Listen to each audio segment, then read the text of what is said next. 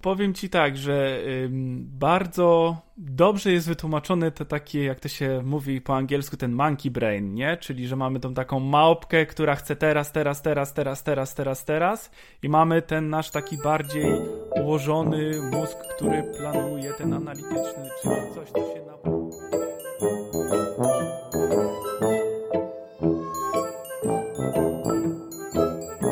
Witam Was serdecznie w podcaście Dyskusji o książkach. Dzisiaj będziemy rozmawiać o książce, która jest w zasadzie takim klasykiem poradników, ale ostatnio została wydana specjalna wersja dla młodzieży. Wydaje mi się, że ta wersja jest o wiele lepsza od wcześniejszych wydań, ma dużo fajnych dodatków, ale o tym za chwileczkę sobie powiemy. Może najpierw przedstawię mojego gościa, mojego współprowadzącego, bo razem będziemy dzisiaj rozmawiać o tej książce. Jest to Damian Wójcik, który sam też prowadzi podcast, podcast codzienny. Witaj Damianie. Witam wszystkich, cześć. Bardzo się cieszę, że zgodziłeś się na to, że, żeby porozmawiać o tej książce. Tym bardziej, że y, sądząc z Twoich podcastów, bo słucham, może nie wszystkich, ale przypuszczam, że pewnie z połowę Twoich podcastów codziennych słucham, sporo z nich poświęciłeś właśnie temu, jak stosujesz tą, tą metodę GTD. Czy może mógłbyś najpierw powiedzieć trochę o sobie i też o tym, jak starasz się być taki efektywny? No to mm, witam wszystkich jeszcze raz. Tutaj Damian Wójcik właśnie z podcastu codziennego.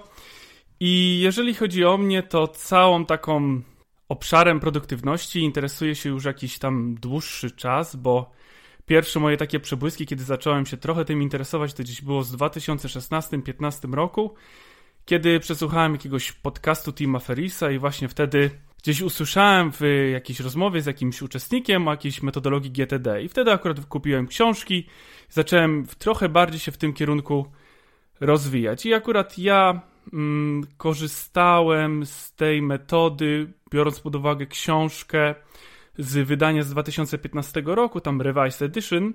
Mhm. I na bazie tego, jak gdyby próbowałem sobie zbudować w jakiś sposób taki workflow, czy taki system pracy, który pozwala mi potem lepiej i skuteczniej jak gdyby realizować swoje cele i plany. Mhm. Tak. Ja też muszę powiedzieć, że pierwszy raz się z tą książką spotkałem y, bardziej po angielsku, bo wydaje mi się, że w Polsce ona przez długi czas nie była dostępna. Ja 15 lat temu wyemigrowałem tutaj do Anglii i pamiętam, że mój szef kiedyś zaproponował mi przeczytanie tej książki. Nie wiem, czy ty, ty nie, nie miałeś chyba kontaktu z pierwszą wersją GTD, pierwszym podręcznikiem? Nie, nie, nie. Ja pierwszy raz właśnie dotarłem do chyba właśnie tej wersji z 2015 roku. Tam to się chyba nawet nazywa Revised Edition, coś mi się tak mhm, tak kojarzy, tak, wydaje. Tak. No i tam ona no, jest dość taka toporna, można powiedzieć, jeżeli ktoś pierwszy raz do tego siada i wcześniej nie mhm. słyszał w ogóle żadnych tematów z tym związanych, bo jest tam bardzo dużo informacji, bardzo dużo ćwiczeń, zadań do zrobienia, no i potrafi mhm. to, y, jak to można powiedzieć, przerazić.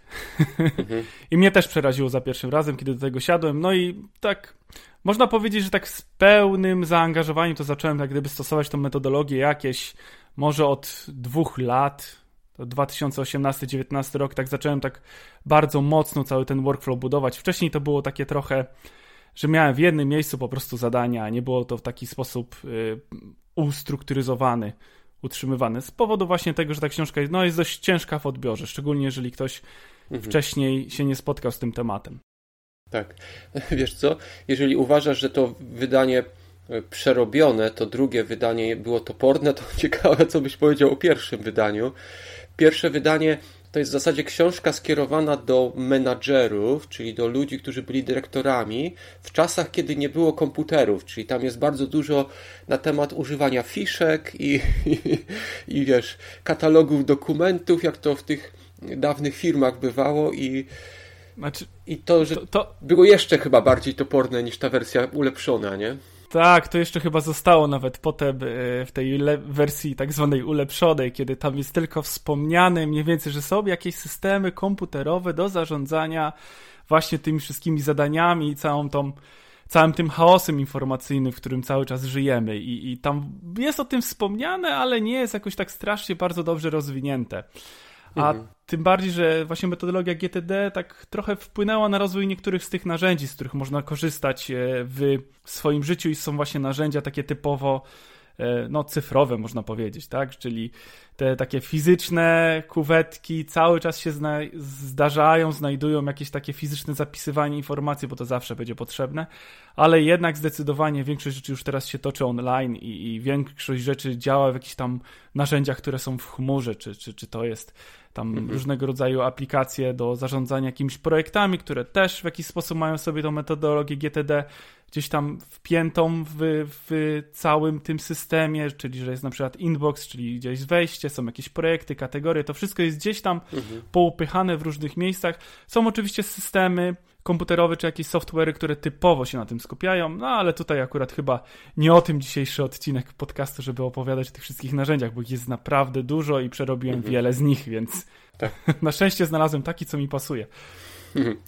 Nie wiem, czy się zgodzisz z tym, ale wydaje mi się, że e, David Allen jest e, geniuszem w tym sensie, że stworzył naprawdę bardzo dobrą metodę.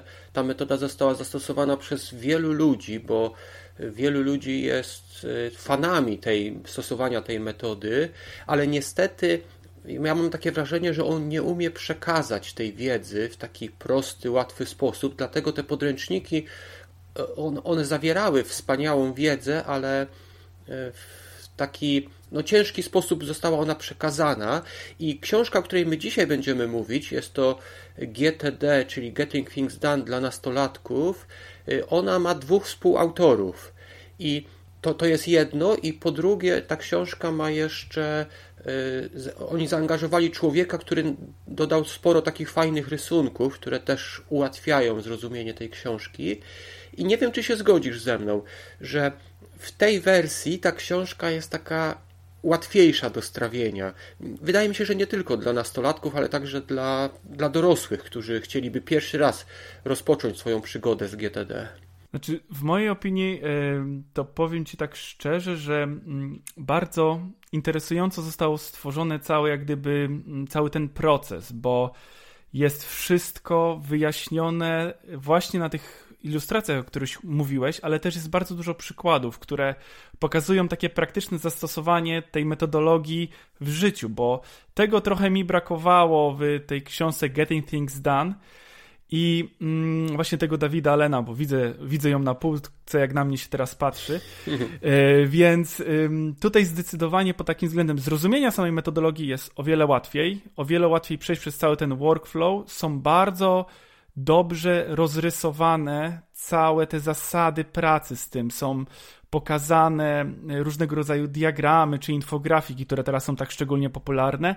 A jak to się kiedyś mówi, że jeden obrazek może być wart więcej niż tam tysiąc słów, to tutaj w rzeczywistości tak to po prostu działa, że jeżeli ktoś próbuje zrozumieć, jak to jak działa sama metodologia GTD, to jeden, dwa, trzy obrazki i infografiki z tej książki pozwolą komuś chociaż złapać jakiś taki podstawowy feel tej metody i zrozumieć, dlaczego ona jest taka fajna i ważna i pozwala tak trochę zminimalizować stres w tym naszym codziennym życiu. Mhm, tak. To bardzo ciekawe właśnie, że wspomniałeś tutaj o stresie. Ja ostatnio e, na tym, w tym podcaście, w którym teraz jesteśmy, dyskusji o książkach, dyskutowałem e, o takiej innej książce i ona jest po angielsku, nie ma polskiego tytułu Irresistible i tam jest w zasadzie taka myśl podana, że tą metodę e, Davida Alana można zastosować nie tylko do zadań, ale także do e, sfery uczuć i w ten sposób też się pozbyć stresu. No ale to, to może jest inna kwestia. Ja może chciałem wspomnieć, że tą książkę, jak w ogóle wszystkie książki Davida Alana wydało wydawnictwo One Press i y, ta wersja dla nastolatków, ta wersja drukowana jest bardzo ładna. Ja mam e-booka i audiobooka, którego kupiłem sobie w audiotece, ale jak tylko ta kwarantanna się skończy, będę jechał do Polski i prawdopodobnie kupię sobie także tą papierową wersję, bo to jednak fajnie jest mieć taką książkę na półce jako taki odnośnik do zajrzenia tam. I teraz odnośnie tych dwóch y, współautorów, może y, tak chciałem parę, parę myśli powiedzieć. Y, David Allan tak jak wspomniałem, w moich oczach on jest geniuszem. On stworzył tą metodę, miał wielu fanów i wśród tych dwóch, wśród tych fanów było, były dwie osoby. Te dwie osoby jest to pewien ojciec i pewien nauczyciel. Te dwie osoby postarały się ten ojciec w swoim domu pomóc swoim dzieciom, a ten nauczyciel w szkole pomóc swoim uczniom zastosować tą metodę. Tak więc y, mamy Davida Alana, który stworzył metodę, mamy ojca, który stosował tą, pomagał swoim dzieciom stosować i mamy nauczyciela, który całej klasie pomógł stosować właśnie tą metodę i, i dlatego ta nowa książka, to GTD dla nastolatków wydaje mi się, że jest y, pod tym względem o wiele lepsze, bo mamy nie tylko tego, kto to stworzył, ale także osoby, które same to zastosowały w swoim życiu, ale też pomagały innym zastosować to w swoim życiu. Czyli wydaje mi się, że to są idealne osoby właśnie, które potrafią przekazać tą wiedzę w tej właśnie książce, nie? Tak, no zgodzę się tutaj z Tobą, bo zazwyczaj najlepiej jest ym, korzystać z jakichś źródeł wiedzy, które pochodzą po prostu od praktyków. Jeżeli masz osobę, która praktycznie zajmuje się na przykład metodologią GTD, to potem, jeżeli ma kilkumiesięczne, letnie doświadczenie w tym jest w stanie fajnie tą wiedzę przekazać. To jest zdecydowanie Zgodzę się z Tobą z tym stwierdzeniem i nawet powiem więcej, że w niektórych aspektach oni wchodzą w głębiej, w inne mhm. obszary. Trochę trochę mm, dotykają obszarów związanych z tym, jak działa nasz mózg, z jakąś neurobiologią. Troszkę też wchodzą takie obszary z jakichś list kontrolnych, czy różnego rodzaju schematów działania, które możesz jak gdyby jeszcze bardziej swoje życie ułatwiać i na przykład nie tworzyć któryś raz tego, z tej samej listy rzeczy na przykład do spakowania, mhm. kiedy jedziesz na jakiś wyjazd. Listę to są kontrolną. Mhm. Tak, tak, tak, takie listy typowo kontrolne, więc to jest bardzo dobrze to, to tak opisane pod tym względem, który pomaga mm, szczególnie młodym osobom, które zaczynają swoje życie, w jaki sposób uporządkować ten cały chaos informacyjny, który jak gdyby się toczy wokół nich. Tym bardziej, że biorąc pod uwagę ilość aplikacji, które teraz są w, na telefonach, czy, czy, czy ilość social mediów w internecie, no to umiejętność skupienia się na rzeczach tych ważnych, a nie na tym szumie, jest wyjątkowo cenną cechą i właśnie po wdrożeniu takiej metodologii jesteś w stanie sobie sam zaplanować, kiedy bawisz się w ten szum, kiedy się w nim zanurzasz, a kiedy pracujesz y, w skupieniu nad rzeczami, które są naprawdę ważne. I tutaj akurat jesteś w stanie to określić poprzez różnego rodzaju kolejne etapy tego, tego całego procesu GTD. Mhm. I ta książka została napisana dla nastolatków, tak więc wiele zagadnień zostało uproszczonych, jednak autorzy używają na przykład trudniejszych słów, jednocześnie tłumacząc je na taki prosty język. Takim przykładem może być ich opis mózgu. Oni nazywają konkretne części mózgu odpowiedzialne za różne procesy, ale jednocześnie stworzyli dwie takie fajne postacie. Tam jest ta małpka Miji i sowa Cortland. I dziecko zaczyna wtedy rozumieć, że ma w mózgu jakby takie dwa zwierzątka, które trzeba uspokoić. Czyli na przykład jak ty masz jakieś problemy, chcesz pójść spać, to żeby uspokoić te zwierzątka, to na przykład można zapisać sobie rzeczy, które są do zrobienia i, i to pomoże. uspokoić.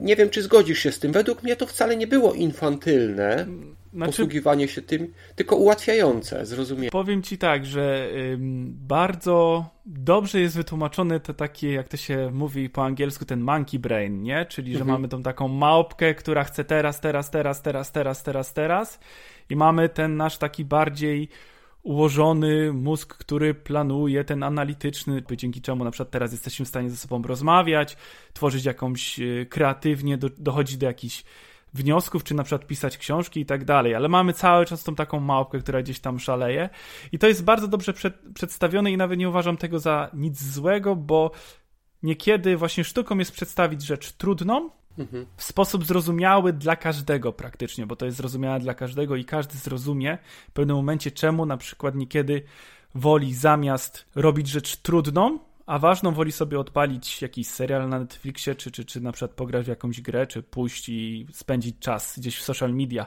to wtedy bardzo łatwo pozwala to zrozumieć, że zmniejszanie stopnia trudności rozpoczęcia zadania, które na przykład działa jako w GTD, tam dalej oczywiście oni opisują, żeby zrobić najmniejszą możliwą kolejną akcję, żeby jak gdyby mhm. ruszyć, ruszyć w, z działaniem, no to wtedy ta małpka tak się nie będzie kłócić z naszym tym, z naszą sową, mówię, ok, to jest na tyle proste, że zacznę. I tu jest, to jest powtarzane bardzo szczególnie y, teraz w różnego rodzaju miejscach, na przykład jest taka książka Atomic Habits, mhm. gdzie też jest to jak gdyby powiedziane, tam są akurat mikronawyki, tam są też historie opisywane, jak na przykład zbudować proste nawyki, żeby oszukać tą część taką, jak teraz mówimy o tej małpce, tak? Y, mhm. Żeby oszukać tą część naszego mózgu, która się buntuje bardzo często i chce robić, mieć szybkie jakieś efekty, żeby na przykład zacząć, nie wiem, ćwiczyć, czy zacząć robić jakieś bardzo proste rzeczy. No tutaj chociażby, jeżeli byś chciał codziennie robić pompki, czy ćwiczyć, no to jednej mhm. pompki, jedną pompkę raczej codziennie zrobisz, tak? No to jest raczej bardzo łatwe, więc podchodząc w tym kierunku możesz zbudować nawyk robienia codziennie jednej pompki.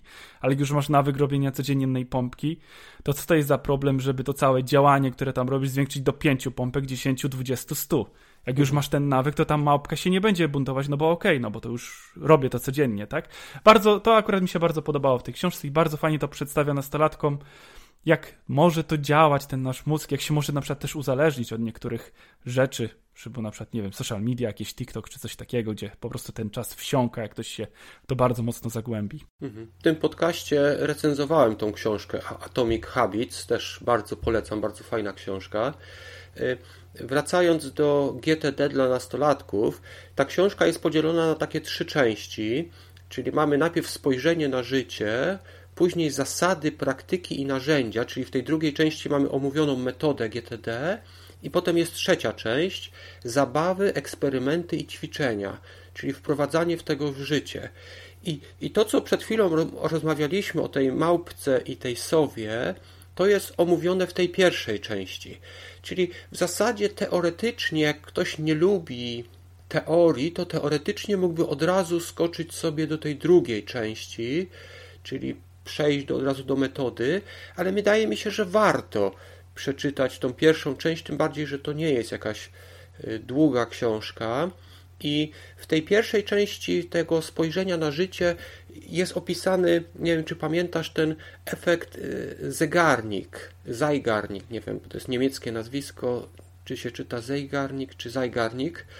W, mhm. w, każdym razie to była psycholożka, która obserwowała kelnerki mhm. i zauważyła, że kelnerki y, pamiętały bardzo dobrze, co klienci zamawiali, ale w momencie, kiedy skończyło się, y, kiedy już zapłacił klient, one potrafiły zapomnieć to, to co było. I to, I to jest takie odkrycie, które wskazuje na to, że nasz mózg jest dobry do działania, ale i nie wiem, czy się zgodzisz z tym, że metoda GTD głównie polega na tym, żeby nie używać naszego mózgu do zapamiętywania rzeczy, listy rzeczy do zrobienia. Powiem ci tak, tutaj akurat bardzo ciekawy temat poruszyłeś, yy, bo pewnie może słuchacze wiedzą, może, może ty też wiesz o tym, że mamy coś takiego jak pamięć roboczą. I ta nasza pamięć robocza, yy, zgodnie z jakimiś tam badaniami neurobiologów może trzymać do czterech jakichś informacji w ciągu, w jakimś jednym momencie. Oczywiście są niby że sposoby, żeby to jak gdyby zwiększyć nawet do siedmiu, jakieś tam badania były przeprowadzane, ale załóżmy, że po prostu normalny, klasyczny człowiek utrzymuje cztery źródła informacji. I tutaj akurat im mamy więcej tych otwartych pętli w naszym mózgu, tym częściej one wskakują do tej pamięci roboczej i nas rozpraszają i my nie możemy realizować jakichś innych zadań. Więc jeżeli mamy możliwość E, inaczej, jeżeli mamy zaufanie, nasz system zewnętrzny, gdzie wszystko się znajduje, z czego pracujemy, z czego korzystamy, to wtedy nasz mózg lepiej działa, bo wie, że okej, okay, nie muszę pamiętać o tym, żeby skoczyć do mechanika, naprawić samochód, zadzwonić do cioci, czy na przykład napisać e, nowy jakiś wpis, czy porozmawiać z kimś z pracy, tylko mam to gdzieś w zewnętrznym systemie i dzięki temu jestem w stanie skupiać się w takich, zdobyć tą taką laserową skuteczność, czy, czy laserowe skupienie na tym, co jest faktycznie ważne. I to jest bardzo dobrze, dobre, że to się pojawiło w tej książce, bo pokazuje, że otwarte pętle sprawiają, że my stajemy się mało efektywni, obniża nam się produktywność, efektywność mhm. codziennych, codziennym dniu I pracy. I stres się podnosi. I się podnosi zdecydowanie stres. Ja powiem takie z moich doświadczeniach z GTD, tam oczywiście jest taki obszar według mnie chyba najważniejszy, czyli te przeglądy tygodnia, miesiąca i, i ogarnianie tych takich wszystkich otwartych pętli, zapisywanie ich, sprawdzanie. Jeżeli ja na przykład zdarzało mi się niekiedy, że nie robiłem tego 2-3 tygodnie, to po prostu poziom stresu w życiu rósł bardzo znacząco bo już byłem tak przyzwyczajony do tego, że te wszystkie informacje mam gdzieś indziej, mhm. że kiedy nie miałem ich w jakimś zewnętrznym systemie, to nagle ojeju, co ja muszę dzisiaj zrobić i było cały czas gdzieś tam to tam w głowie latało i się przypominały różne dziwne sytuacje i że o, to teraz muszę zrobić to, to, to, zadzwonić i wtedy od razu wracałem do metodologii. GTD. Ale oczywiście wiem, że niektóre osoby, niektóre mózgi działają trochę inaczej. U mnie akurat to się sprawdza. Mhm. Tak. Ty poruszyłeś ten termin, y, ta pętla, którą mamy w mózgu. Dlatego to jest pętla. Ja myślę, że to jest taki właśnie powracający, powracająca rzecz. Czyli na przykład zbliża się rocznica ślubu i wiem, że moja żona oczekiwałaby kwiatów, jakiegoś prezentu i mogę to zapamiętać w mojej głowie. I teraz w ciągu dnia ta myśl będzie wracać do mnie, czy już kupiłeś kwiaty. I mówię, teraz nie mogę, bo pracuję, ale przypuśćmy za pół godziny ta myśl znowu wróci. W ten sposób, jeżeli ja nie zapiszę sobie tego na liście zadań do zrobienia, to ta myśl będzie mi wracać i będzie przeszkadzać mi w pracy, czyli w momencie, kiedy kiedy ja nie mogę zadziałać w sprawie tych kwiatów, bo muszę siedzieć w pracy, muszę, muszę siedzieć na zebraniu z szefem, czy robić inne rzeczy. Czyli to jest ta małpka, która ci powraca i mówi, że zrób to, zrób to, a ty teraz tego nie możesz zrobić. I mi się wydaje, że właśnie to, że ty sobie zrobisz tą listę z tych rzeczy do zrobienia i, i to, co ty mówiłeś, ty mówiłeś o tym przeglądzie tygodnia, ale to chodzi też o takie dzienne przeglądanie, bo na przykład w momencie wyjścia z pracy musisz też przejrzeć taką listę rzeczy, na przykład, które chcesz zrobić w drodze do domu, na przykład kupić te kwiaty czy coś. Bo jeżeli ta małpka w twojej głowie nie będzie pewna, że ty zrobisz to coś, co zaplanowałeś, to to bo, bo tak, jeżeli ty tylko zapiszesz na jakiejś liście, a nigdy do niej nie zajdzie, nie zajrzysz, to ta małpka będzie o tym wiedzieć i to jej wcale nie uspokoi, nie? Mm, tak, tak, tak. No tutaj się zgadzam z tobą w 100%. To musi być po prostu system, który wdrożysz i który będzie działał, bo ja w swoim życiu, tak jak mówiłem, kiedy przeczytałem, próbowałem wdrożyć, ale to nie szło jak gdyby za dobrze i wtedy ta moja małpka się cały czas odzywała, tak? Mhm. Ale kiedy, kiedy już faktycznie wdrożyłem i zaufałem sam sobie, zaufałem temu tak. systemowi, który mam, zaufałem tym Małpka wszystkim... ci ufa teraz. Teraz już jest trochę spokojniej i, mhm. i jestem pewny, że w jakiś tam sposób realizuje te swoje cele, plany czy tam marzenia. Tutaj akurat też jest, te, też, też jest fajny mo motyw z tym związany, ale to chyba przejdziemy za chwilę, bo to jest w ostatniej części trzeciej mhm. tej książki, więc na razie jesteśmy w pierwszej. Mhm. Tak. Znaczy ja myślę, że już w zasadzie przeszliśmy trochę do tej drugiej, bo trochę zaczęliśmy mówić o metodzie.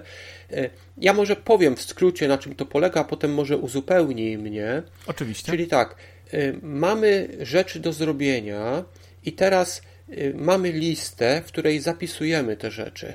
I jeżeli jakąś rzecz da się zrobić według, jest taka zasada według Davida Alana w ciągu dwóch minut, to robimy je od razu i nie tworzymy, nie zapisujemy na liście, bo to byłoby bez sensu. A jeżeli stwierdzamy, że nie jesteśmy w stanie zrobić tego teraz, to następnie następuje taki proces decyzyjny. Decydujemy, czy tą rzecz zapisać, nie wiem, do kalendarza, zapisać na listę zadań, czy zapisać na listę pomysłów, które może kiedyś zastosujemy. I teraz David Allen proponuję, żeby przynajmniej raz w tygodniu mieć taki dzień, żeby przeglądać te wszystkie listy. To jest taki tygodniowy przegląd i on też zaleca taki miesięczny przegląd y, tych rzeczy i w, te, w tym tygodniowym ty przeglądasz rzeczy, które teraz robisz, a w tym miesięcznym przeglądasz te rzeczy, które są, no nie wiem, pomysły na później odłożone, nie? I mhm. tak mniej więcej w skrócie to tak wygląda, nie?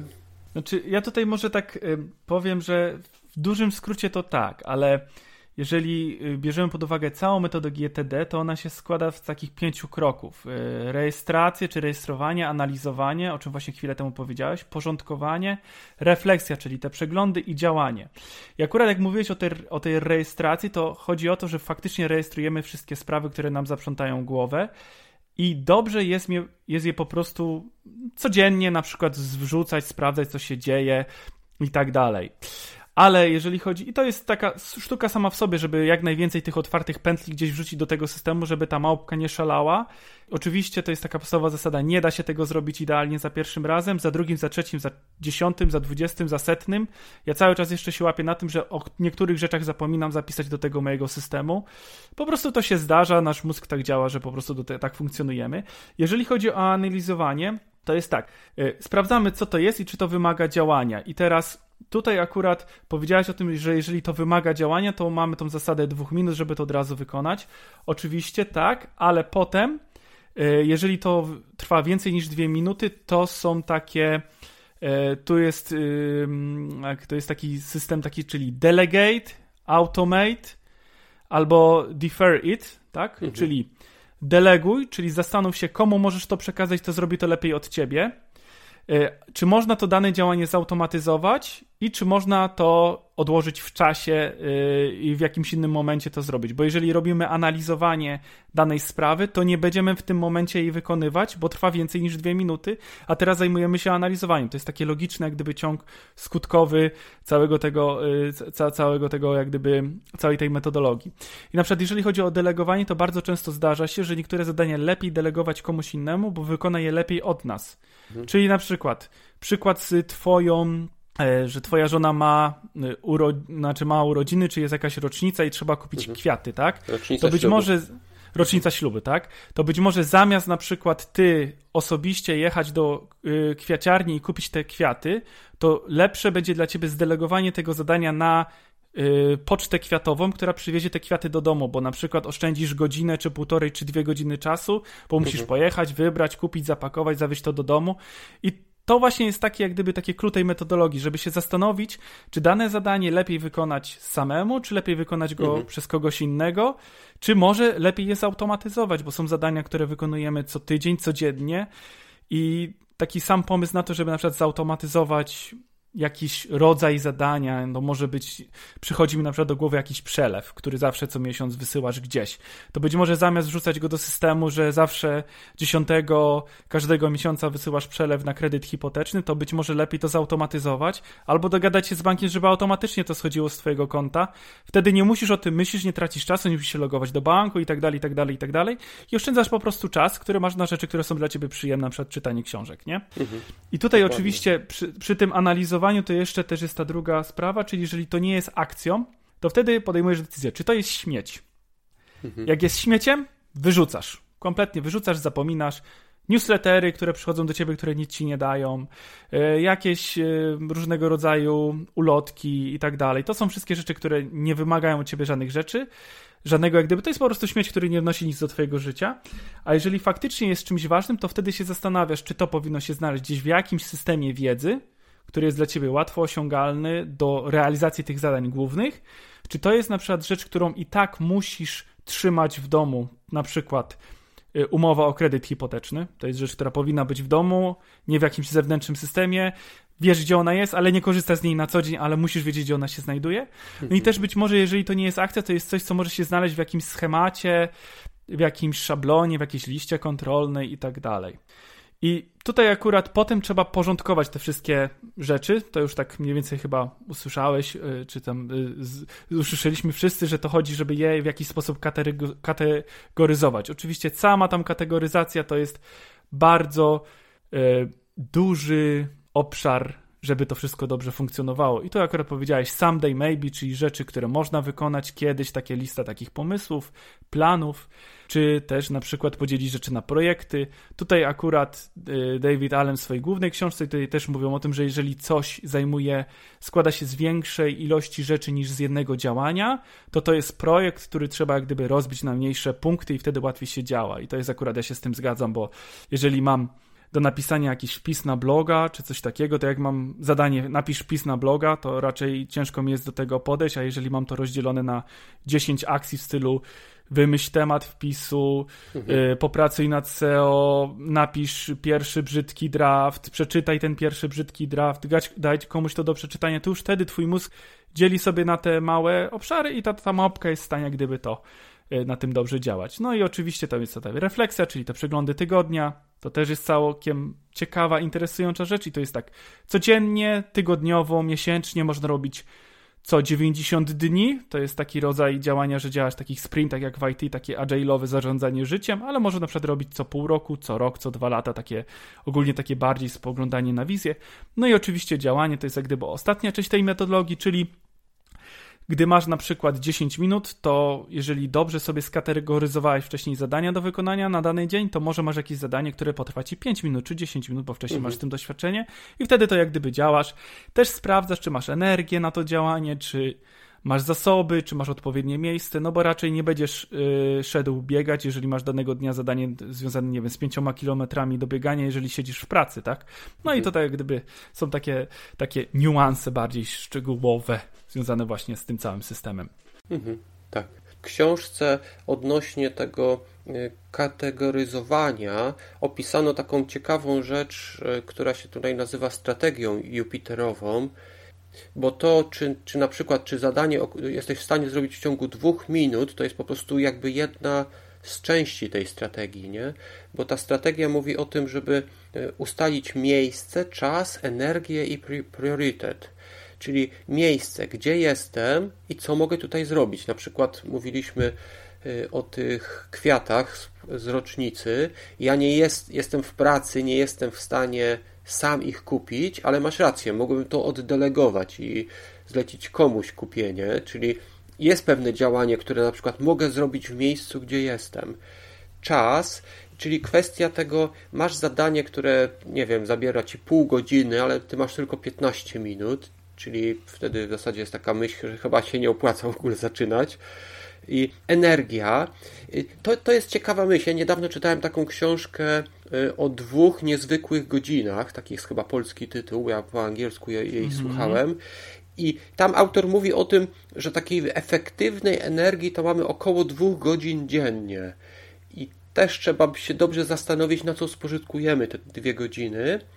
I trzecia rzecz to jest ten priorytet. I wydaje mi się, że to jest ta najważniejsze kryterium Jupiterowe, czyli są pewne rzeczy, które może mógłbyś zrobić lepiej w tym czasie, lepsze są w tym miejscu, ale czasami priorytet może zmusza cię, że y, no, z powodu tego, że to jest priorytet, że musisz to zrobić dzisiaj, że to dzisiaj, teraz właśnie jest naj, najważniejszą rzeczą, nie? No to skupmy się na przykład na tych kwiatach, nie? Tak jak już mhm. mówimy o tych kwiatach od początku, to możemy dalej się tym zajmować i się zastanawiać. Być może lepiej, żebyś te kwiaty kupił nie w dzień rocznicy, tylko na przykład tydzień przed. Mhm. E, sobie mhm. może nie tydzień przed, ale zorganizował cały, całe te kwiaty tydzień przed, czyli nie, że w dzień, tylko na przykład tydzień przed poczta kwiatowa, wtedy być może koszt jest niższy, możesz, masz, może masz większy wybór, e, ale kiedy przychodzi ten dzień, kiedy trzeba te kwiaty dostarczyć swojej małżonce, to wtedy no, priorytet bierze jak gdyby e, mhm. jest tutaj, no po prostu musi się to wydarzyć danego dnia. No idealnym przykładem jest chociażby, nie wiem, składanie podatków, tak? Czyli, że jeżeli albo podatki musisz do któregoś tam dnia zrobić, jeżeli tego nie zrobisz do tego dnia, to płacisz karę. Albo musisz oddać na przykład, nie wiem, książkę do biblioteki, czy, czy, czy. No to są takie tematy bardzo, y, jak gdyby priorytet jest nadrzędny, ale te pozostałe jak gdyby powinniśmy dążyć do tego, żeby tych takich rzeczy, które muszą się wydarzyć danego dnia, albo których deadline się zbliża, nieubłaganie, na przykład jest deadline tego dnia, żeby, nie wiem, oddać książkę, znaczy może nie książkę, tylko na przykład jakąś pracę, e, jakiś e, dokument w naszej pracy codziennej, czy na przykład jakąś, jakieś wypracowanie do, do, do szkoły, czy, czy na jakąś uczelnię, no to być może lepiej byłoby, żeby tych deadline'ów było jak najmniej, bo wtedy lepiej pracujemy wcześniej, czyli jak dzięki tej metodologii jesteśmy na przykład w stanie popatrzeć w przeglądzie tygodnia, że w przyszłym tygodniu w piątek musimy oddać pracę jakąś no to możemy sobie zaplanować, że w poniedziałek, wtorek, środę ją zrobimy, w czwartek mamy, y, tylko ją sobie sprawdzimy, a w piątek ją oddamy bez żadnego stresu. A mhm. jeżeli przyjdzie ten piątek i nagle jest ten priorytet, że musimy to zrobić, to być może no, prawie na pewno będzie ona dość słabej jakości w porównaniu mhm. z tym, jak mogłaby tak. być wcześniej zrobiona. Więc to, tutaj jest taka strategia właśnie, to mówisz, Jupiterowa, bardzo, bardzo dobrze opisana i, i trzeba ją jak gdyby stosować w, w tym obszarze działania. Mhm. Tak. I przy okazji tej strategii, tu taki fajny dowcip był, nie wiem czy go pamiętasz.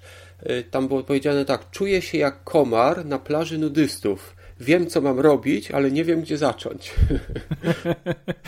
No, do, do, Bardzo mi się to podobało.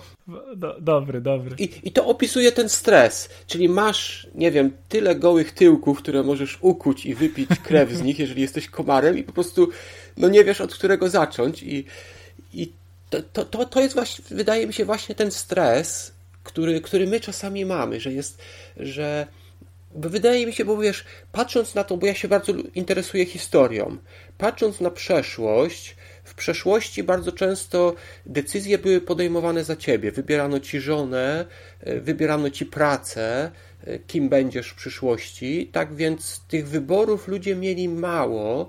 To ograniczało ich wolność, ale z drugiej strony wydaje mi się, że chyba było mniej stresujące.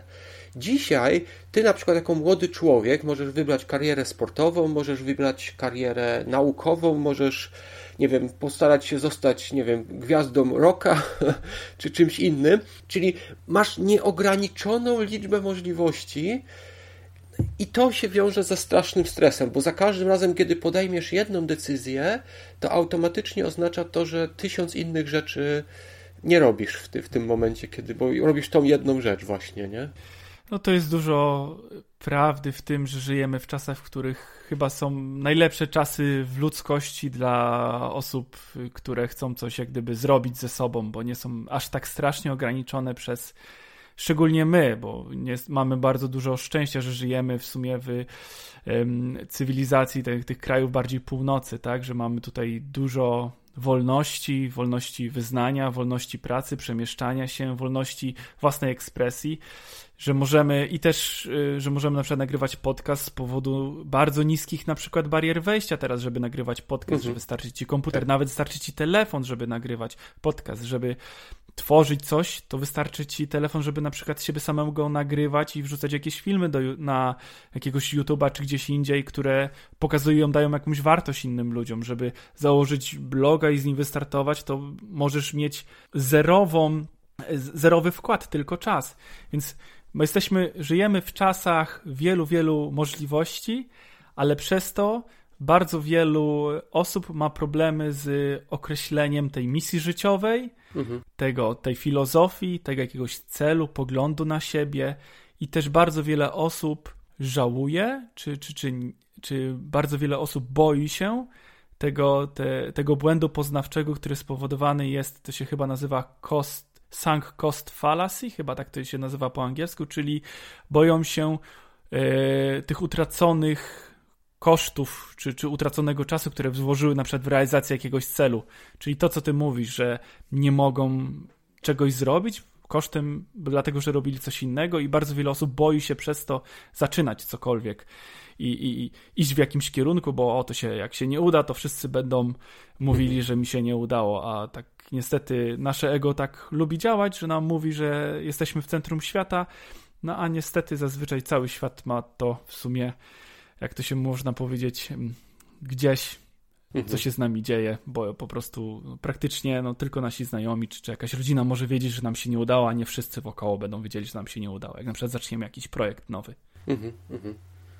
To znaczy, wiesz, e, akurat sunk cost fallacy to akurat pomaga ci zaangażować się w jedną rzecz, bo to, to jest taka myśl, że jeżeli ty włożyłeś pieniądze w jakiś projekt, to ty czujesz się, że jeżeli nie zrobisz tego projektu, to ty stracisz te pieniądze. Ty straciłeś już te pieniądze, bo włożyłeś w dany projekt, ale jest takie myślenie.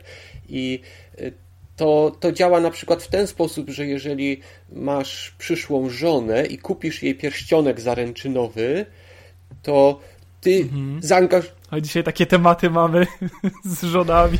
To ty, to ty zaangażowałeś się już materialnie w projekt tego małżeństwa i to jest y, taka rzecz, że prawdopodobnie się już z tego nie wycofasz. To jest taki dowód w zasadzie y, pod, pod tym, pod tym y, względem, nie?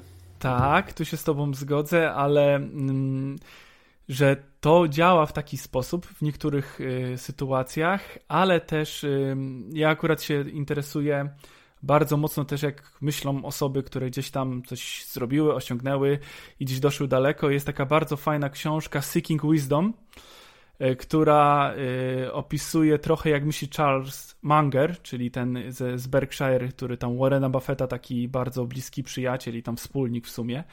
I on bardzo, on tak właśnie, to tak mi się w, w mojej pamięci utkwiło jego słowa, tak oczywiście parafrazując, nie jest to dosłowne tłumaczenie, że bardzo wiele osób, bardzo wiele firm, bardzo wiele korporacji zamiast uciąć swoje straty w momencie, w którym mhm. dana firma jeszcze tak. tego nie odczuje, inwestują dalej swój czas mhm. i swoje pieniądze, tak, żeby tak. to osiągnąć. I to, to samo ty teraz mówiłeś, nie? Że, że, mhm. I to jest właśnie ten taki ten błąd poznawczy, że zamiast popatrzeć i powiedzieć, ok, to nie idzie, przestańmy to robić, mhm. to ludzie po prostu dalej coś brną, chociaż nie daje to takich efektów, jak mhm. powinno i po prostu powinni wcześniej tak gdyby odciąć. I niektóre osoby, ja akurat, to być może ja popatrzyłem to bardziej prorekcja przez siebie, że ja na przykład y, właśnie w taki sposób niektórych rzeczy mogłem nie zaczynać kiedyś, bo myślałem o tym, że okej, okay, tyle czasu poświęciłem, a to nie wyjdzie, to co sobie, co, po, po, co w ogóle miałem czas na to tracić, nie? Mhm. Więc, a niektórzy może działają właśnie tak, jak ty powiedziałeś, że okej, okay, poświęciłem trochę czasu na to, więc y, dobra, to będę cisnął do końca, aż się uda. Mhm. A być może tak. trzeba popatrzeć trochę tak refleksyjnie z mhm. daleka. Mówisz tam, jak dałeś pierścionek tej swojej narzeczonej, a tu coś się okazało niefajnego z nią, no to może lepiej mhm. Zrezygnować. Znaczy, wiesz co, bo to jest fallacy, czyli to jest błąd poznawczy, ale jeżeli ty wiesz, że twój mózg tak działa, to ty możesz wykorzystać ten błąd poznawczy, żeby oszukać samego siebie, bo to ty możesz wykorzystać na przykład w ten sposób, że kupisz sobie roczny abonament na siłownię i bo, bo wiesz, że po prostu będziesz się źle czuł, że ty to kupiłeś i jeżeli nie będziesz chodzić, to Czyli to jest, to jest cały czas błąd poznawczy, ale ty możesz w ten sposób niejako siebie zmusić do tego, żeby, Mm, żeby korzystać z siłowni przez cały rok, nie? Tak, tak, tak. Ja tutaj akurat się z tobą zgodzę, że troszkę korzystałem z tego właśnie, kiedy wdrażałem metodologię GTD, bo specjalnie wziąłem i kupiłem roczny dostęp do jakiejś aplikacji, która skorzysta z tego GTD mhm. i po prostu jak już kupiłem roczny, wyłożyłem własne pieniądze, doszedłem do wniosku, no dobra, okej, okay, no to nie będę tych pieniędzy tam trzymał tak. w powietrzu, nie? No to, to coś zacznę mhm. z tym robić. No i wdrożyłem z sukcesem już tam kolejny tak. rok. Trzymam się moich postanowień i bardzo dobrze to działa. Mhm. Nie, bo, bo to jest, wydaje mi się, dobrze jest wiedzieć, że to jest błąd, bo ja słyszałem na przykład, e, że był, był, był mężczyzna, który kupił sobie właśnie lekcję tenisa i nabawił się, wiesz, tego schorzenia, ten łokieć tenisisty, ale ponieważ on zapłacił za takiego bardzo drogiego trenera, on przez całe dwa miesiące dalej chodził i ćwiczył mimo bólu. Tak więc to, to jest błąd poznawczy. To... No zdecydowanie, ale tak, ja, tak. ja bardzo też mnie to ciekawiło. Też chyba nagrałem na ten temat parę podcastów właśnie na temat błędów poznawczych i tam modeli jakichś mentalnych myślenia i tak dalej, więc tutaj akurat no, y, to jest ciekawe to, jak my działamy jako ludzie. I jeszcze taka mała kolejna dygresja, na przykład, co jest bardziej niebezpieczne. E, tu akurat było takie badanie zrobione w Stanach. Zapytali się osób, osób w Stanach, co jest bardziej niebezpieczne: dom, yy, broń w domu czy basen dla dziecka. Mhm. Tak, tak. No i wszyscy ludzie powiedzieli, że bardziej niebezpieczna jest broń w domu, mhm. a nie basen. No bo broń to wiadomo, można się postrzelić, zastrzelić. No i się okazało, że w całych Stanach chyba rocznie jest kilka czy kilkanaście przypadków, że dziecko się postrzeli z broni, która jest w domu, gdzieś tam, bo ta broń zazwyczaj jest w jakiejś kasetce, ukryta, schowana, zabezpieczona, a kilkaset dzieci co roku y, topi się po prostu w basenach przydomowych. I mhm. to dlatego my ludzie nie wiemy na przykład o prawdopodobieństwie, nie myślimy mhm. o prawdopodobieństwie w ten sposób, że nagle okej, okay, czyli jak mam basen w domu, to jest większa szansa, prawdopodobieństwo, że moje dziecko coś mu się stanie, niż jak będę miał broń w domu, nie? No to są takie błędy poznawcze naszych ludzi, bo sobie właśnie wyobrażamy, że to jest bardziej niebezpieczne. Na przykład loty samolotem też, nie? No to tak teraz akurat samoloty nie latają, bo pandemia, ale wcześniej było tak, mhm. że o Jezu, loty samolotem są mega niebezpieczne, a jak ktoś by wziął pod uwagę prawdopodobieństwo, no to jak jest katastrofa lotnicza, to dużo ludzi naraz y, ginie. To się dzieje i po prostu to jest fajne, medialne, media o tym mówią i mhm. wszyscy się tym bardzo ekscytują, ale gdyby wziąć pod uwagę faktycznie zagrożenia, no to rocznie tych samolotów to na palcach jednej ręki można policzyć ilość katastrof, tak? A tych samolotów latało 27 tysięcy, tak? Chyba e, gdzieś ostatnio słyszałem właśnie wypowiedź jakiegoś tam międzynarodow- szefa jakichś międzynarodowych przewoźników, który mówi, że z 27 tysięcy gdzieś 17 tysięcy będzie uziemionych do końca roku samolotów. Więc powiedziałem, ok, 27 tysięcy samolotów latają cały czas na świecie i tylko katastrofy na palcach jednej ręki, można powiedzieć, to jest przecież mega bezpieczny środek transportu, najbezpieczniejszy mhm. na świecie, tak? Ale ludzie cały czas myślą, że okej, okay, jest niebezpieczny, bo, bo jak to może być, że, jak, że ja lecę i silniki mnie prowadzą przecież tam mhm. w powietrzu, nie? Bo to, bo to jest to wyobrażenie, nie?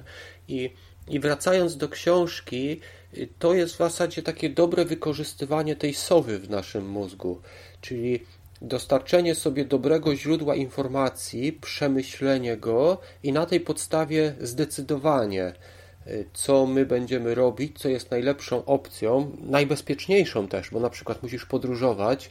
I tak jak powiedziałeś, mimo że nam się wydaje, że samolot jest taki niebezpieczny, bo przecież może spaść, to jednak więcej ludzi ginie w wypadkach samochodowych. I y, lecąc gdzieś, mamy większe prawdopodobieństwo dolecenia tam niż dojechać gdzieś.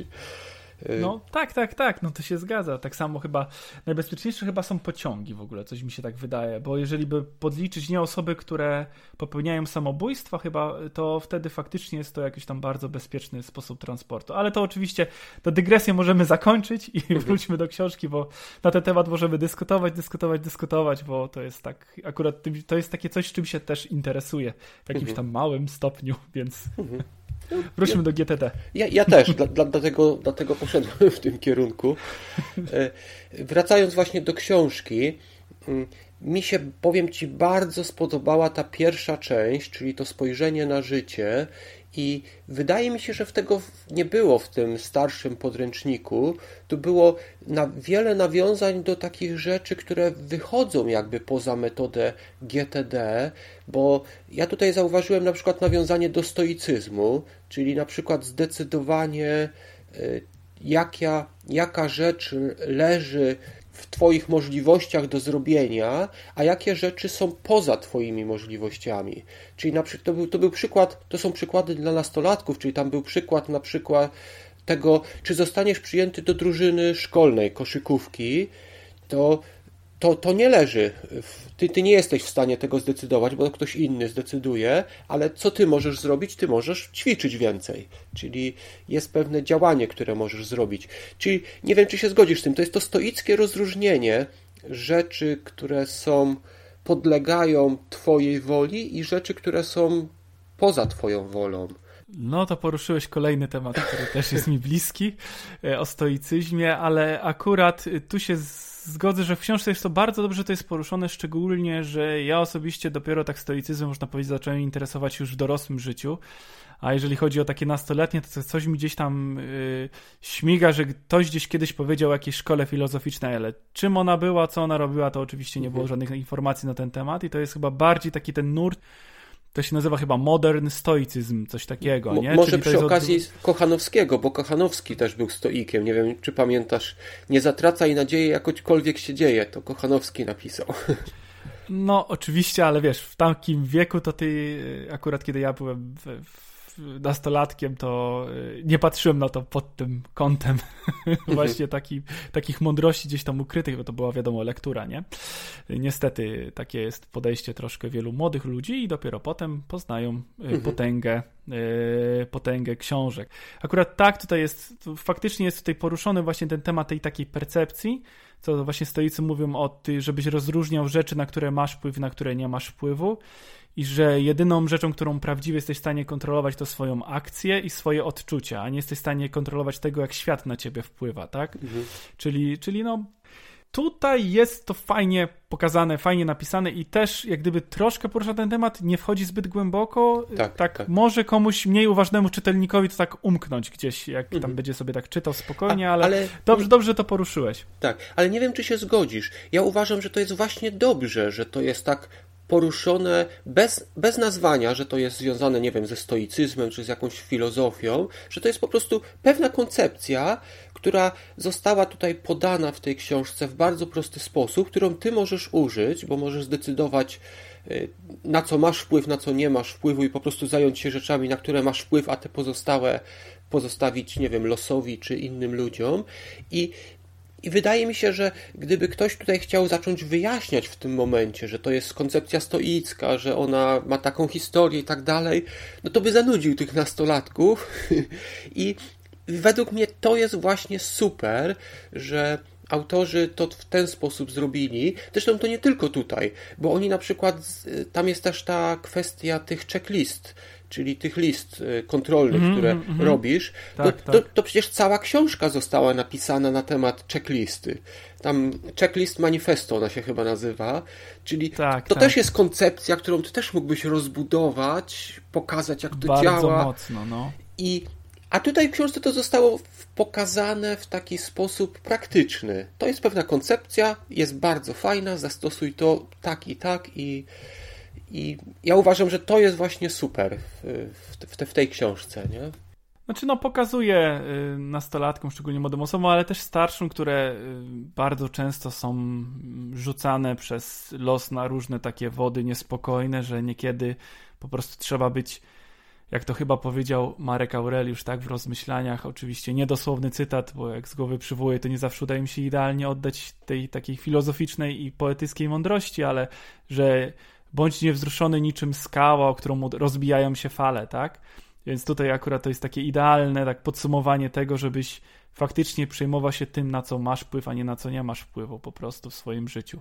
Mhm. I sobie też tak w głowie ustawiał te wszystkie rzeczy. No ja od momentu, kiedy zacząłem tak się bardziej interesować stoicyzmem, czytać książki na ten temat, teraz mam nawet taki codzienny rytuał, że jest taka książka Daily Stoic, nie wiem czy o niej słyszałeś. Mhm, tak. Ryan Holiday chyba napisał. Tam jest nie? 366 dni. Tak, tak, tak. 366 dni chyba medytacji stoickich i tam jest Epiktet, y, Marek Aureliusz, Seneca, też chyba jak gdzieś raz czy któryś raz gdzieś tam się Heraklit y, przewinął.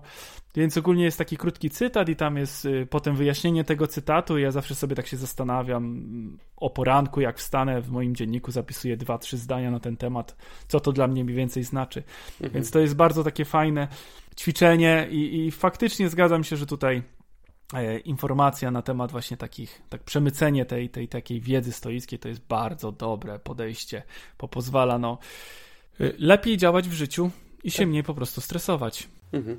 Zresztą powiem Ci, że ta pierwsza część, ona w ogóle zawiera wiele takich bardzo głębokich rzeczy, bo tam na przykład wspomniano, nie wiem czy na to zwróciłeś uwagę, te cztery definicje gotowości czy jesteś gotowy na chwilę obecną, gotowy na przyszłość, gotowy na zmianę i gotowy na cokolwiek. I to są takie pytania, na które w tej książce tam są po pomoc w tego, żebyś spróbował sobie odpowiedzieć, ale to jest taki, taka część książki, do której ty możesz wracać. Czyli po roku, jak ty wrócisz do tej książki, do tych czterech pytań, czy ja jestem gotowy na chwilę obecną, czy ja jestem gotowy na zmianę, która wiem, że za chwilę nastąpi, czy ja jestem gotowy, jak zdarzy się coś, czego ja w ogóle nie przewiduję. To są takie pytania, które mm, pozwalają te też wydaje mi się są w pewnym sensie stoickie, bo stoicy właśnie zastanawiali się na przykład na tym, co się stanie, jeżeli na przykład moja bliska osoba umrze jutro. I zadanie sobie takiego pytania y, doprowadzało ich do tego, że oni, y, nie wiem, bardziej cieszyli się z życia teraz z tą bliską osobą, bo, bo wiedzieli, że może przyjść zmiana i to taka nagła zmiana, nie? Tak, tak. Czyli te pytania też w książce są tak leciutko zaznaczone, ale one są strasznie głębokie i ty możesz do nich wrócić.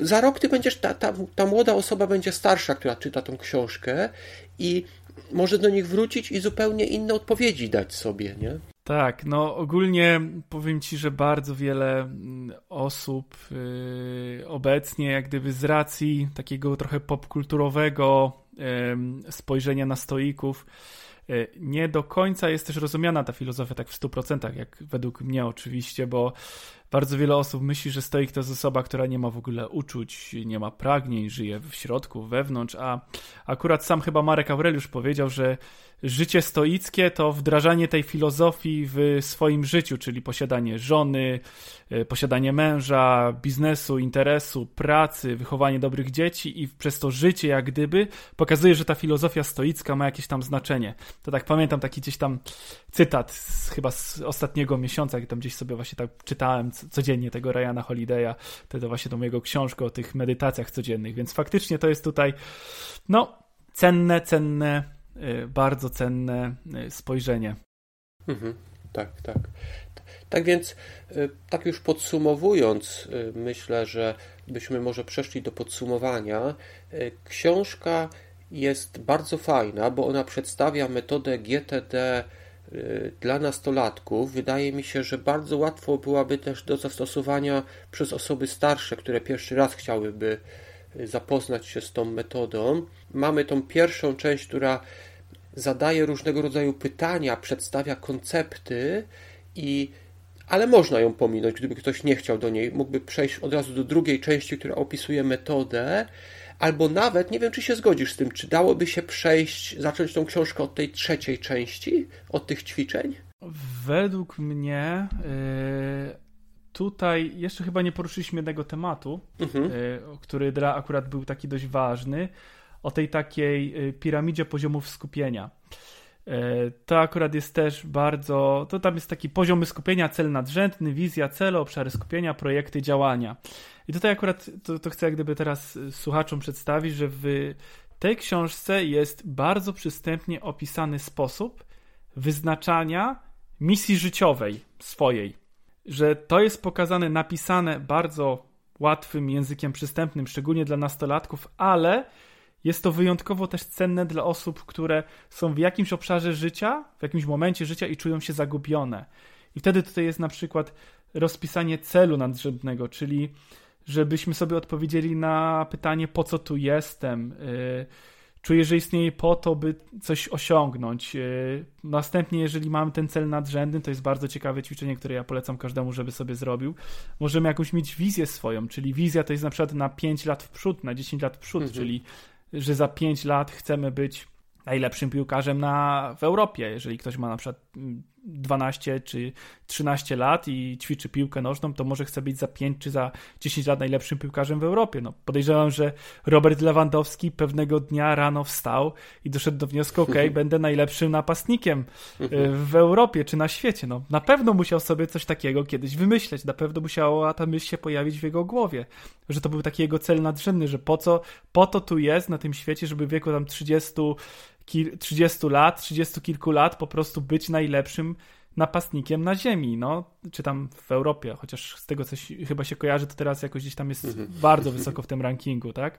Więc mhm. i on na pewno to zrobił, miał jakąś wizję i żeby miał tą wizję, czyli na przykład, nie wiem, za 10 lat być najlepszym napastnikiem i gdzieś tam grać, czy coś robić, to potem musiał mieć z tego tytułu cele, czyli gdzieś musiał sobie określić ten czas, podzielić ten czas na rok, dwa, trzy, czyli na przykład, nie wiem, za 3 lata grać w yy, Bayern Monachium, to żeby tam grać, to trzeba zrobić na przykład rzecz, nie wiem, wcześniej, gra, wcześniej na przykład przestać grać w Polsce albo zdobyć z Polską jakiś wysoki wynik na Mistrzostwach Świata. To są wszystko cele, które można w jakiś sposób sobie określić. Więc ja akurat chcę powiedzieć, że ten obszar, czy bardziej ten poziomy skupienia, ta cała piramidka jest bardzo cenna też dla osób trochę starszych, które też dla dorosłych i szczególnie dla dzieci, które są jeszcze wcześniej w swoim etapie rozwoju i chcą jakby wymyśleć, co będą robić, bo jeżeli wiesz, mniej więcej albo masz jakąś wizję na siebie, co zaczniesz robić, to po prostu sam czas, który na to poświęcisz, po prostu poświęcasz więcej czasu, więc jesteś trochę dalej niż ktoś, kto zacznie mhm. iść w twoim kierunku trochę dalej. No ja na przykład w wieku 30 lat na pewno nie zostanę już w światowej klasy mhm. piłkarzem, nie? Mhm. To, już, to, to już te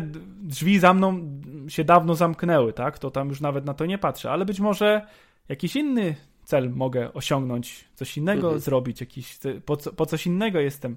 I tutaj oczywiście można też określić, że nie, że musisz robić górnolotne rzeczy, zmieniać świat, a może twoim celem nadrzędnym jest to, żeby być dobrym ojcem, dobrą matką, mieć dwójkę dzieci, wychować je na porządnych ludzi i na przykład, nie wiem, zbudować dom na wsi i masz takie marzenie, że żyjesz sobie spokojnym życiem gdzieś pod lasem. To też jest zarąbisty cel. Nie każdy musi być przecież e, mhm. Elonem Maskiem, nie? To tak. tak wiesz. I to jest bar bardzo fajna część tej książki. Ja akurat polecam do mhm. przeczytania, bo takie ćwiczenia, jeżeli ktoś ich nie robił jeszcze, no to ja zachęcam, żeby nawet dla tego samego, dla tego samego miejsca trochę wziąć i sobie przeczytać i się przerobić po prostu te wszystkie ćwiczenia, które są właśnie w tym poziomach skupienia, żeby wiedzieć mniej więcej, żeby móc określić te priorytety, o których mówiliśmy w, tym, w tej technice tej Jupiterowej, tak? Czy tam, mhm.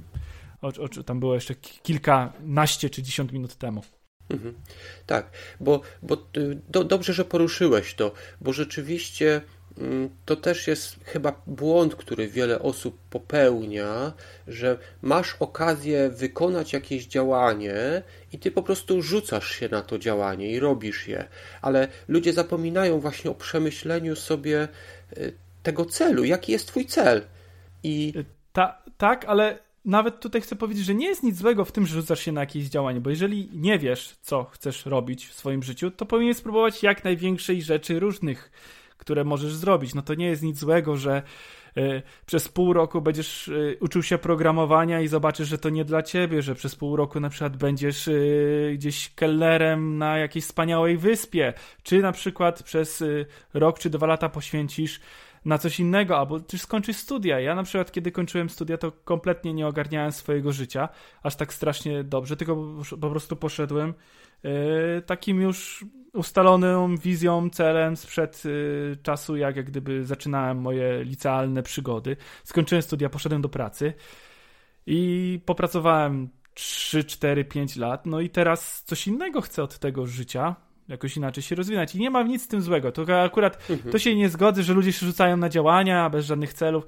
Ja jestem zdania, że jeżeli nie masz tego pomysłu na siebie, to jak najbardziej próbuj różnych rzeczy, bo mhm. może się okazać, że jak spróbujesz tych różnych rzeczy, to wtedy będzie coś, co o, mhm.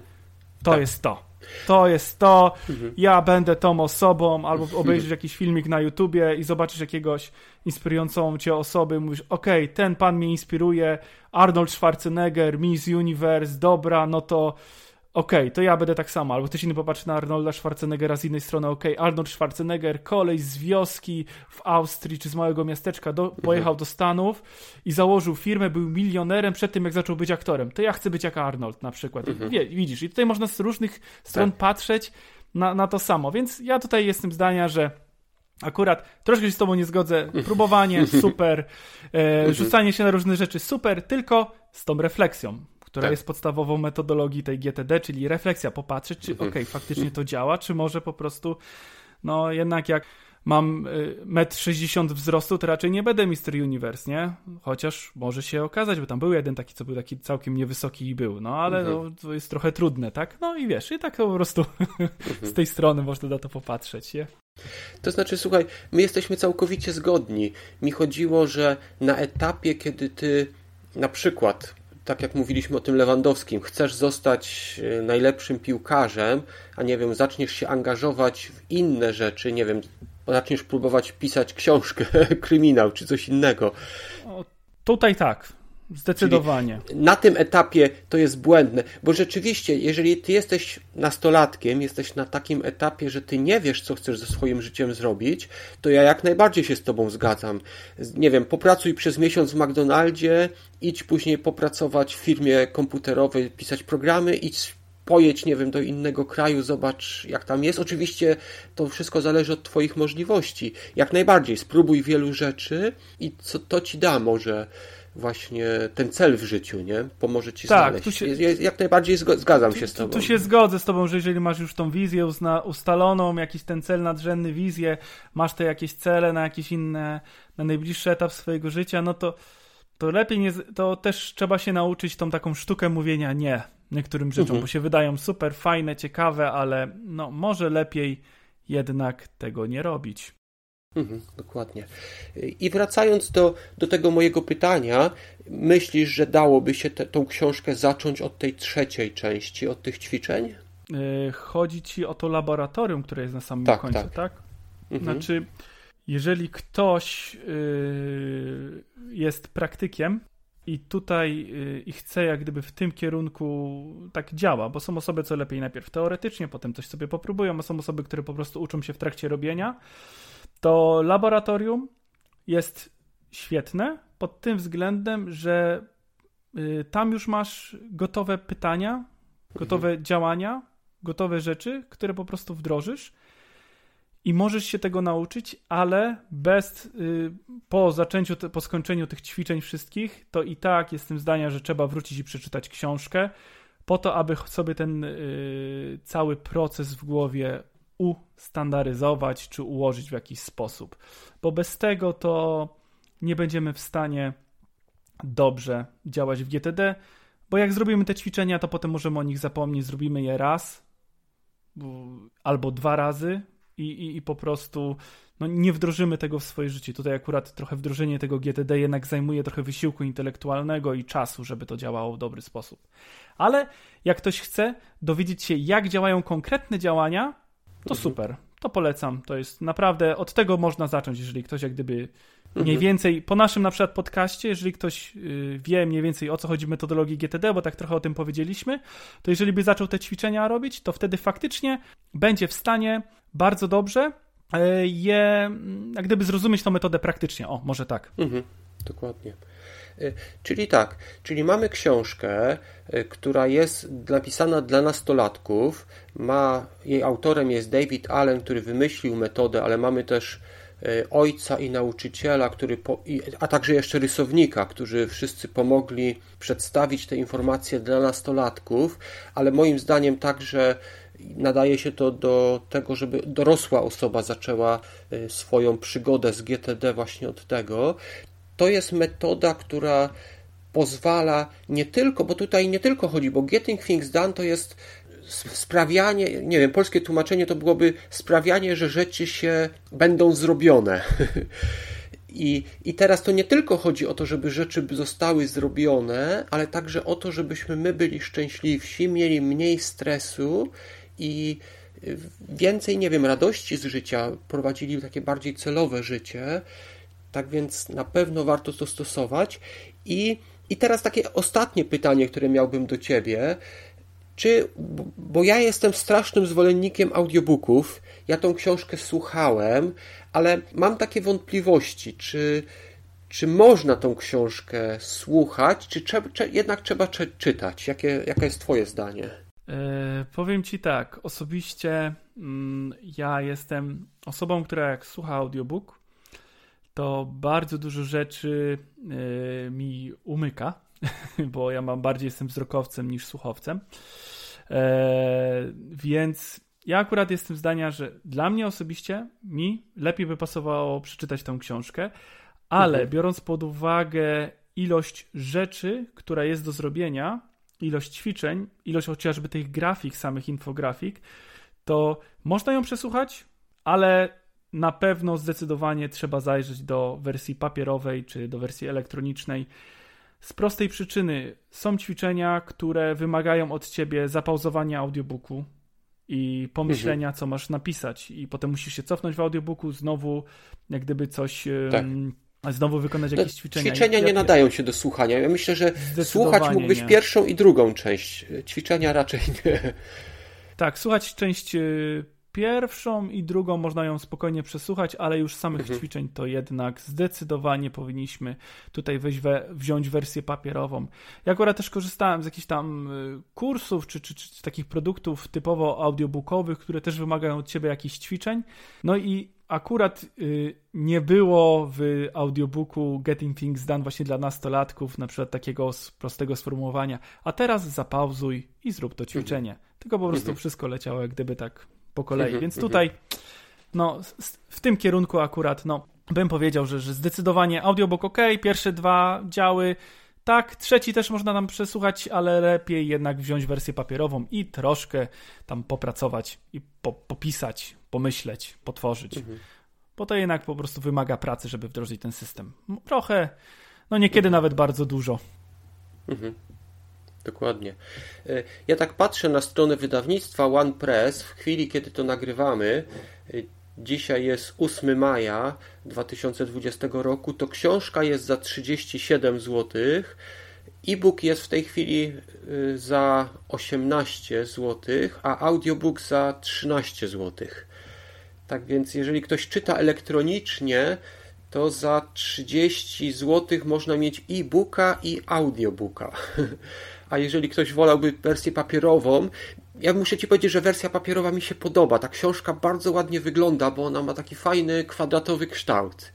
Mhm. I, I ja chociażby z tego powodu, jak pojadę do Polski, ja sobie ją kupię w tą, tą wersję papierową ale ja audiobooka lubiłem, lubiłem sobie posłuchać, szczególnie właśnie tamte myśli i ja powiem Ci, kiedy na przykład padały te pytania, ja sobie zatrzymywałem tam i próbowałem sobie w głowie na przykład odpowiedzieć na te pytania, czy ja jestem gotowy na chwilę obecną, czy jestem gotowy na przyszłość, na to, co się, nie wiem, za chwilę wydarzy i takie fajne, fajne ja to też, było. Ja też tak niekiedy słucham audiobooków takich bardziej yy, rozwijających, tak? No to mhm. właśnie też mi się zdarza zatrzymywać i się zastanawiać, co faktycznie tutaj może, jaki to może mieć wpływ na moje życie, czy, czy, czy w jakiś sposób trochę jakieś takie mentalne ćwiczenie zrobić, prawda? Ale tutaj akurat tak w sumie jednej rzeczy wydaje mi się, takiej trochę, żeby tak było, nie że tak wychwalamy tą książkę, ale brakuje mi tutaj bardzo y, jednej rzeczy, która akurat znajduje się w GTD, w tej podstawowej książce, czyli brakuje mi mhm. listy wyzwalaczy. Tutaj akurat autorzy trochę tak podeszli do tego, że są te ćwiczenia w laboratorium, które trochę zastępują tą listę wyzwalaczy, bo mówią ci, żebyś na przykład usiadł w swoim pokoju, popatrzył na rzeczy, czy coś trzeba mhm. zrobić z daną rzeczą, czy nie ale w samym GTD masz taką długą, konkretną, wielką listę, chyba ona jest na dwie albo na trzy strony A4, a może nawet więcej. Znaczy, to jest chyba wersja bardziej B5, tak ta, patrzę na tą książkę. Więc yy, i tam jest cała lista takich kilkuset w sumie wyzwalaczy, które wyzwalają otwarte pętle w twoim mózgu. I tego akurat tutaj brakuje. Jeżeli by w jakiś sposób było to jeszcze bardziej dopisane, jak skorzystać z takiej listy wyzwalaczy, albo właśnie zaprezentowana dla nastolatków, to wydaje mi się, że to by było naprawdę jeszcze lepsza książka. Tego akurat mhm. brakuje, ale to można zawsze sięgnąć do tej wersji GTD, tej takiej mhm. podstawowej. Jak już ktoś się zapozna z tą dla nastolatków, no to tak. tej podstawowej GTD jest trochę bardziej to tak od strony biznesowej, menedżerskiej, ale też właśnie takiej bardziej ustrukturyzowanej i taki, można powiedzieć, że to jest opisany cały proces. Więc tutaj dobrze na wstęp, ale ja akurat zawsze jeszcze polecam tą, mhm. ten taki oryginał, żeby jeszcze bardziej ustruk tą swoją wiedzę w głowie jakoś tam ułożyć. Mhm, tak. Chociaż ja uważam, powiem Ci odwrotnie. Wydaje mi się, że dobrze, że tutaj ta książka nie jest zbyt skomplikowana, że przedstawiono tutaj metodę GTD w najprostszy możliwy sposób, y, taki do wdrożenia tej metody. I no ja uważam, że to, to, to, to jest sukces, ale masz rację. Jeżeli komuś się spodoba to i chciałby więcej, jak najbardziej niech sięgnie po oryginalny podręcznik. Oczywiście chodzi o to drugie wydanie, nie, nie to stare. Tak, tak, tak, 2015 rok, to, to zdecydowanie, bo ojejku, tam i tak, i tak potrafi być troszkę wymagające. Tak. I niektóre Dokładnie. rzeczy, jak zaczniesz dopiero wdrażać tą metodę, to nagle rozumiesz, aha, o to tu chodziło. Mhm, mhm. No. Dobrze, słuchaj. E, bardzo Ci dziękuję, Damianie, za to, że znalazłeś czas, że, że mogliśmy omówić tą książkę. E, w notatkach do tego e, podcastu będą linki do wszystkich rzeczy, które omawialiśmy, przede wszystkim do książki Getting Things Done, do wydawnictwa OnePress, do, do Twojego bloga też, bo Ty masz i podcast, i swojego bloga masz w jednym miejscu, nie? Tak, tak, tak. Y, mhm. Mam, jestem, można jak gdyby mnie znaleźć pod adresem y, damianwojcik.pl. Też jest y, podcast codzienny, podcastcodzienny.pl. Jeżeli wpiszecie, to od razu was właśnie przekieruje do strony podcastu. E. No i też podcast jest dostępny też na serwisie YouTube, nie tylko w jakiś tam na, e, na iTunes i, i na Spotify, więc jak gdyby dla każdego mm, odpowiednia, odpowiednie miejsce do słuchania, gdzie tam lubi sobie posłuchać. Więc tutaj ja akurat się skupiam na takich właśnie tematach właśnie związanych trochę z produktywnością, trochę z jakimś tam rozwojem osobistym, ale bardziej w kierunku takiego praktycznego rozwoju, a nie, że ktoś mówi, że jesteś zwycięzcą, tylko bardziej takie rzeczy mhm. bardziej praktyczne do, do zastosowania w swoim życiu. I też jakieś mhm. techniki, które gdzieś tam testuję na sobie i, i sprawdzam, co u mnie działa i polecam po prostu osobom, które słuchają mojego podcastu. Mhm, tak. Ja, ja w Twoim podcaście lubię to, że nie lejesz wody. Twoje Odcinki Twoich podcastów są bardzo krótkie, bardzo treściwe i bardzo konkretne. I, I na przykład dzięki Tobie zacząłem próbować intermittent fasting, te, tą aplikację do intermittent, ona się nazywa e, Fast? Nie, nie pamiętam. Mm. Damy link, damy link, tak, tak, tak, tak, tak. No ja akurat y, no, dość, dość jakiś już z 3 lata stosuję właśnie przerywany post. Tak dwa mhm. razy w tygodniu, więc też jakieś dłuższe posty ostatnio zacząłem wrzucać i, i tam różnego rodzaju też takie tematy z pogranicza jakiegoś biohackingu poruszałem. Ostatnio trochę mniej, ale być może do tego wrócę, bo wiadomo, sen, sport i odpowiednie odżywianie powoduje, że jesteśmy bardzo, bardzo produktywni. Nawet śmiem twierdzić, że to jest podstawa bycia wydajnym a nie mhm. stosowanie na przykład takich systemów jak GTD, bo możesz stosować system GTD, a wszystkie inne rzeczy leżą, to wtedy nie uda ci się i tak dobrze yy, wykorzystywać jego zalet i, i, dobrze działać w swoim życiu. Mhm. Tak. Dobrze. To słuchaj, jeszcze raz bardzo Ci dziękuję. Wam, drodzy słuchacze, dziękuję, że dotrwaliście z nami do końca i oczywiście zapraszam niedługo do kolejnego odcinka. Do usłyszenia. Dobra. mhm.